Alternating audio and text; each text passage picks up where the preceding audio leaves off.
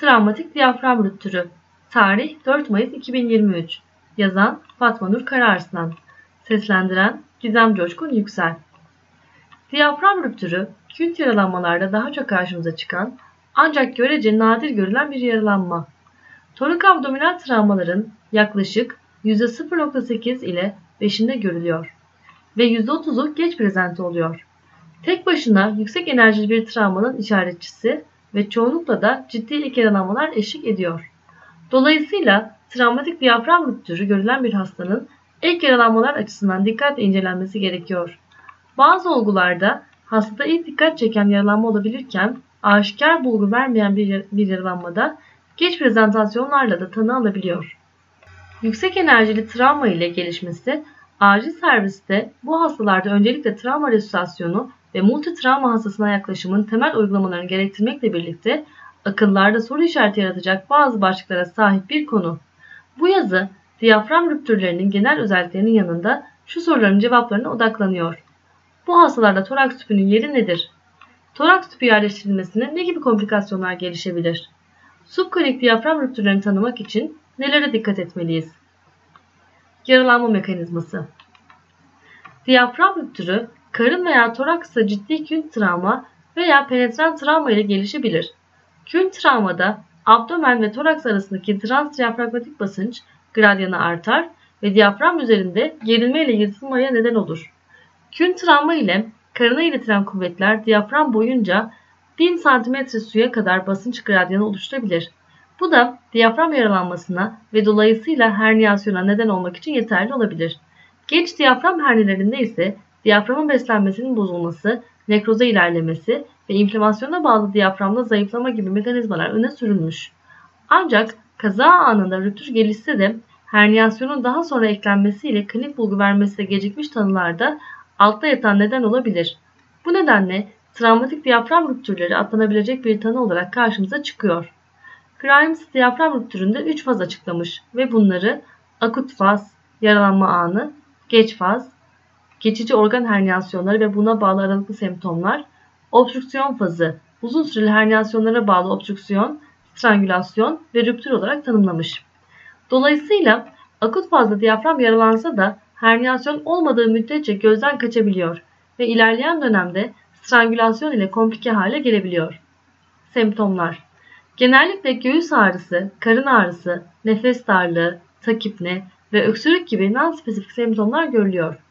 Travma sonrası karın ağrısı ve hemodinamik instabilite, solunum sıkıntısı, tansiyon pneumotoraks, hematemez, melana gibi semptomlarda travma mekanizması da göz önünde bulundurularak şüphe duymak doğru tanı için kilit rol oynuyor.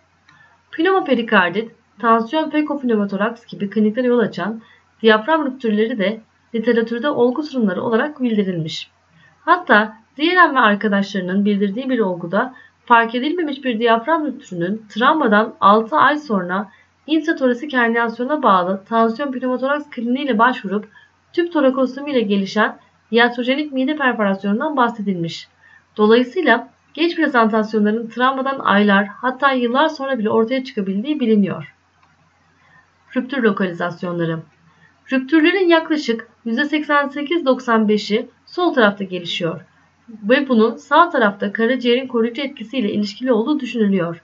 Aynı zamanda sağ taraflı rüptürler daha yüksek mortalite ve morbidite ile seyrediyor.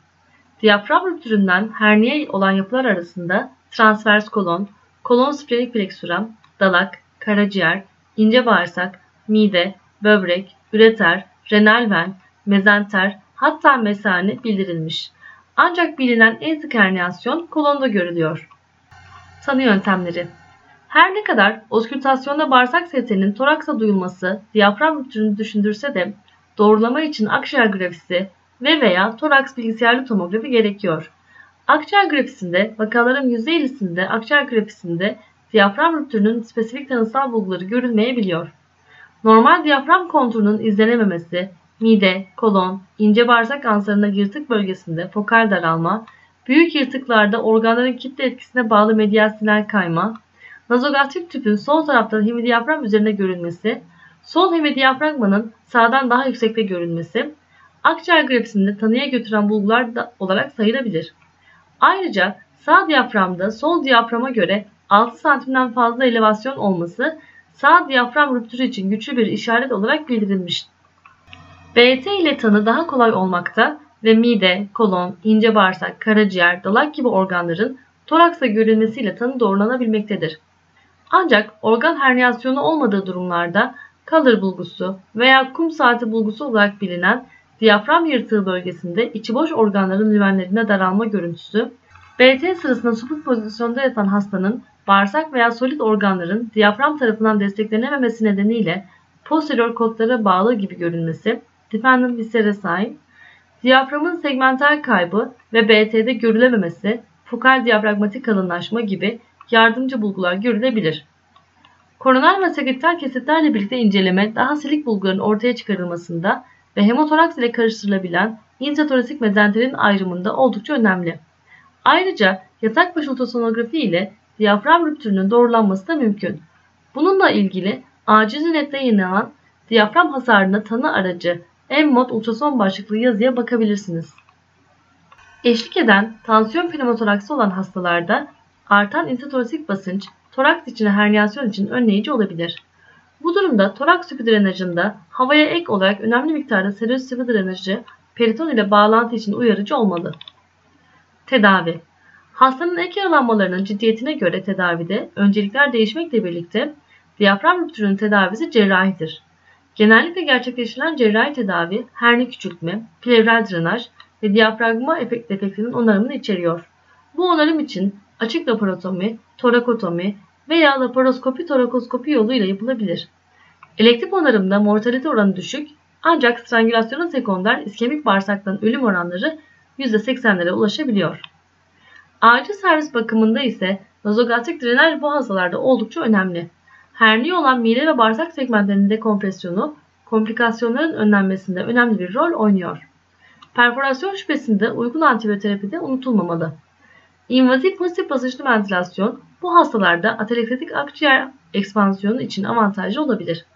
Bu şekilde fonksiyonel rezidüel kapasite artışı ve herni miktarı azalmasıyla daha yüksek oksijen sunumu sağlanabilir.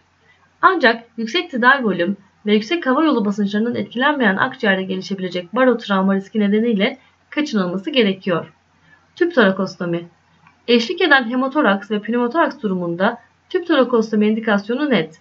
Ancak tüp torakostominin diğer ve arkadaşlarının bildirdiği gibi mide veya bağırsak perforasyonu gibi organ yaralanmasına yol açabileceği unutulmamalı ve dikkatli uygulanmalı. Mehrotra ve arkadaşlarının tarafından kün travma sonrası hemotoraks olan bir hastada başta diyafram rüptür bulguları olmamasına rağmen tüp torakostomi sonrası diyafram rüptürünün aşikar hale gelerek organ herniyasyonu hızlandığı bir olgu bildirilmiş. Bu olguda da transdiyafragmatik basınç gradiyentindeki ani değişikliğin asemptomatik bir diyafram rüptürünün semptomatik bir herniyasyona dönüşümünü hızlandırabileceği yorumu yapılmış. Dolayısıyla diyafram rüptürlerinde tüp torakostominin olası komplikasyonları dikkatle izlenmeli ve uygulanacak hastalar dikkatli seçilmeli. Püf noktalar 1. Künt yüksek enerjili travmalarda klinik şüphe diyafram rüptüründe tanıya giden yolda kilit noktadır. 2. Diyafram rüptüründe nazogastrik tüp ile dekompresyon unutulmamalıdır. 3. Akciğer grafisi ve toraks bilgisayarlı tomografide aşikar bulgu vermeyen diyafram rüptürlerinde yardımcı bulgulara dikkat edilmelidir. 4. BT incelenirken koronal ve sagittal kesitlerle inceleme diyafram rüptürü değerlendirmesinde oldukça önemlidir. 5. Toraks tüpü eşlik eden hemotoraks ve pneumotoraks durumlarına endikedir. Ancak organ yaralanması açısından dikkatle uygulanmalı ve olası komplikasyonlar açısından uyanık olunmalıdır. 6. İzole yaralanma nadir olsa da gecikmiş başvurular olabileceği ve geç komplikasyonlar oluşabileceği unutulmamalı ve hastanın öyküsünde yüksek enerjili bir travma varsa üzerinden yıllar geçmiş olsa bile diyafram yaralanmaları aklımızın bir köşesinde olmalıdır. Dinlediğiniz için teşekkürler.